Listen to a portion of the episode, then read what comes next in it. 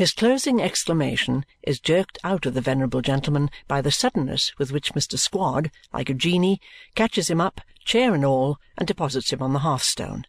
"Oh, Lord!" says Mr. Smallweed, panting. "Oh, dear me! Oh, my stars! Oh, my dear friend, your workman is very strong and very prompt. Oh, Lord, he is very prompt. Judy, draw me back a little. I'm being scorched in the legs." Which indeed is testified to the noses of all present by the smell of his worsted stockings. The gentle Judy, having backed her grandfather a little way from the fire, and having shaken him up as usual, and having released his overshadowed eye from its black velvet extinguisher, Mr. Smallweed again says, "Oh, dear me! Oh, Lord!" and looking about and meeting Mr. George's glance, again stretches out both hands. "My dear friend, so happy in this meeting! And is this your establishment? It's a delightful place. It's a picture. You never find that anything goes off here accidentally, do you, my dear friend?" adds Grandfather Smallweed, very ill at ease. No, no, no fear of that. And your workman, he oh dear me, he never lets anything off without meaning it, does he, my dear friend?" "He has never hurt anybody but himself," says Mr. George, smiling. "But he might, you know. He seems to have hurt himself a good deal, and he might hurt somebody else," the old gentleman returns. He mightn't mean it, or or he even might. Mr. George, will you order him to leave his infernal firearms alone and go away?" Obedient to a nod from the trooper, Phil retires, empty handed, to the other end of the gallery. Mr. Smallweed, reassured, falls to rubbing his legs. "And you're doing well, Mr. George?" He says to the trooper, squarely standing, faced about towards him, with his broadsword in his hand. "You are prospering, please the powers?" Mr. George answers with a cool nod, adding, "Go on. You have not come to say that, I know." "You are so sprightly, Mr. George," returns the venerable grandfather. "You are such good company." Ha, ha, ha! Go on, says Mr. George. My dear friend, that sword looks awful gleaming and sharp. It might cut somebody by accident. It makes me shiver, Mr. George. Curse him! says the excellent old gentleman apart to Judy as the trooper takes a step or two away to lay it aside. He owes me money and might think of paying off old scores in this murdering place. I wish your brimstone grandmother was here and he'd shave her head off. Mr. George, returning, folds his arms and looking down at the old man, sliding every moment lower and lower in his chair, says quietly, Now for it. Ho! cries Mr. Smallweed, rubbing his hands with an artful chuckle. Yes, now for it. Now for what, my dear friend?" "For a pipe," says Mr. George, who with great composure sets his chair in the chimney-corner, takes his pipe from the grate, fills it and lights it, and falls to smoking peacefully. This tends to the discomfiture of Mr. Smallweed, who finds it so difficult to resume his object, whatever it may be, that he becomes exasperated and secretly claws the air with an impotent vindictiveness expressive of an intense desire to tear and rend the visage of Mr. George. As the excellent old gentleman's nails are long and leaden, and his hands lean and veinous, and his eyes green and watery, and over and above this, as he continues, while he claws, to slide down in his chair and to collapse into a shapeless bundle, he becomes such a ghastly spectacle, even in the accustomed eyes of Judy, that that young virgin pounces at him with something more than the ardour of affection, and so shakes him up and pats and pokes him in divers parts of his body, but particularly in that part which the signs of self-defence would call his wind, that in his grievous distress he utters enforced sounds like a paviour's rammer. When Judy has by these means set him up again in his chair with a white face and a frosty nose, but still clawing, she stretches out her weazen forefinger and gives Mr. George one poke in the back. The trooper raising his head, she makes another poke at her esteemed grandfather, and having thus brought them together, stares rigidly at the fire. Aye, aye, ho, ho, chatters Grandfather Smallweed, swallowing his rage. My dear friend, still clawing. I tell you what, says Mr. George, if you want to converse with me, you must speak out. I am one of the roughs, and I can't go about and about. I haven't the art to do it. I'm not clever enough. It don't suit me. When you go winding round and round me, says the trooper, putting his pipe between his lips again, damn if I don't feel as if I was being smothered. And he inflates his broad chest to its utmost extent, as if to assure himself that he is not smothered yet. If you come to give me a friendly call, continues Mr. George, I am obliged to you. How are you? If you have come to see whether there's any property on the premises, look about you. You are welcome. If you want to out with something, out with it. The blooming Judy, without removing her gaze from the fire, gives her grandfather one ghostly poke. You see, it's her opinion too.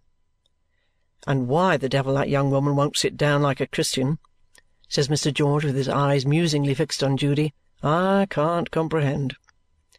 She keeps at my side to attend to me, sir, says Grandfather Smallweed. I am an old man, my dear Mr. George, and I need some attention. I can carry my years. I'm not a brimstone poll parrot, snarling and looking unconsciously for the cushion, but I need attention, my dear friend. Well, returns the trooper, wheeling his chair to face the old man. Now then. My friend in the city, Mr. George, has done a little business with a pupil of yours. Has he? says Mr. George. I am sorry to hear it. Yes, sir. Grandfather Smallweed rubs his legs. He is a fine young soldier now, Mr. George, by the name of Carstone. Friends came forward and paid it all up, honourable. Did they? returns Mr. George. Do you think your friend in the city would like a piece of advice?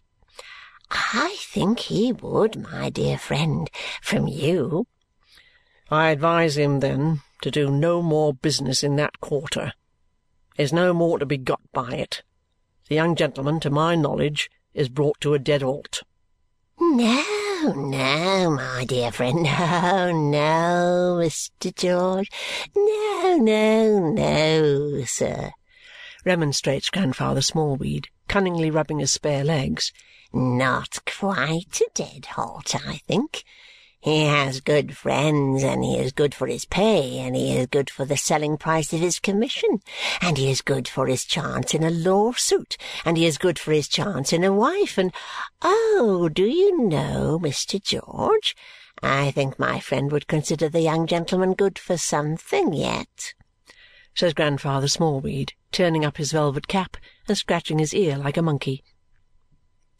Mr. George, who has put aside his pipe and sits with an arm on his chair back, beats a tattoo on the ground with his right foot as if he were not particularly pleased with the turn the conversation has taken. "But to pass from one subject to another," resumes Mr. Smallweed, "to promote a conversation, as a joker might say, to pass Mr. George from the ensign to the captain." "What are you up to now?" Asked Mr. George, pausing with a frown and stroking the recollection of his moustache. "What captain?" "Our captain. The captain we know of. Captain Hawdon." "Oh! That's it, is it?" says Mr. George with a low whistle as he sees both grandfather and granddaughter looking hard at him. "You are there. Well, what about it? Come, I won't be smothered any more. Speak!"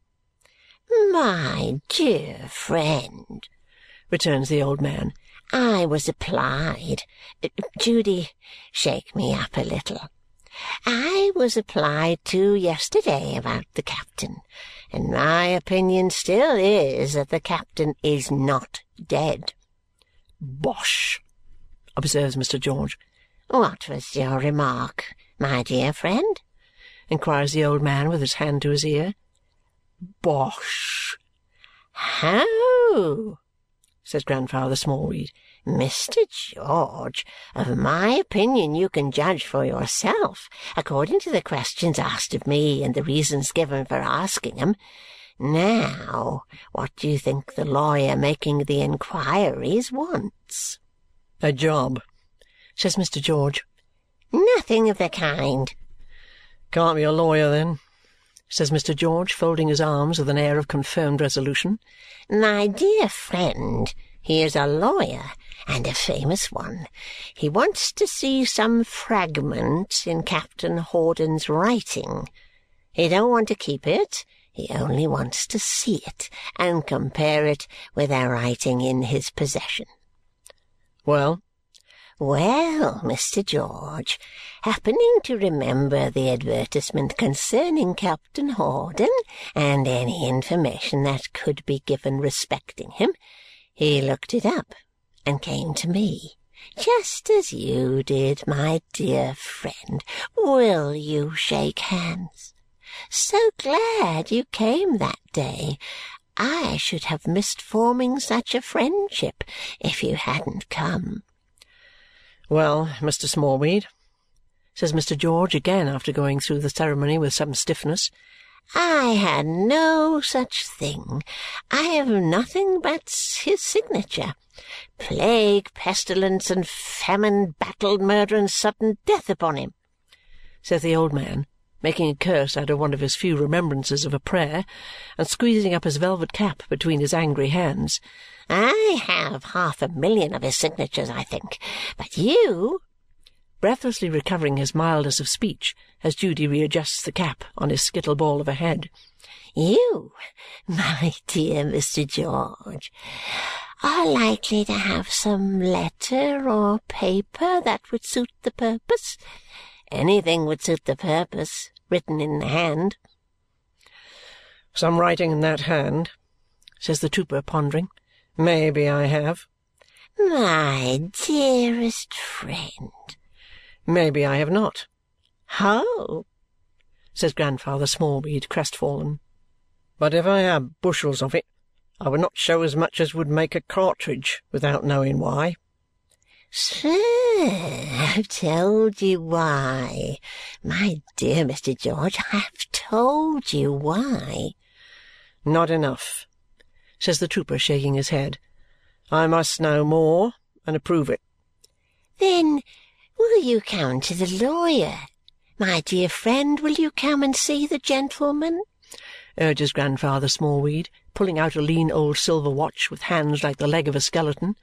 I told him it was probable I might call upon him between ten and eleven this forenoon, and it's now half after ten. Will you come and see the gentleman, Mr. George?" "Hum!" says he gravely. "I don't mind. Though why this should concern you so much, I don't know." "Everything concerns me that has a chance in it of bringing anything to light about him. Didn't he take us all in? Didn't he owe us immense sums all round? Concern me? Who can anything about him concern more than me? Not my dear friend says Grandfather Smallweed, lowering his tone, that I want you to betray anything. Oh, far from it. Are you ready to come, my dear friend?" "Aye. I'll come in a moment. I promise nothing, you know." "No, my dear Mr. George, no." "And you mean to say you're going to give me a lift to this place, wherever it is, without charging for it?"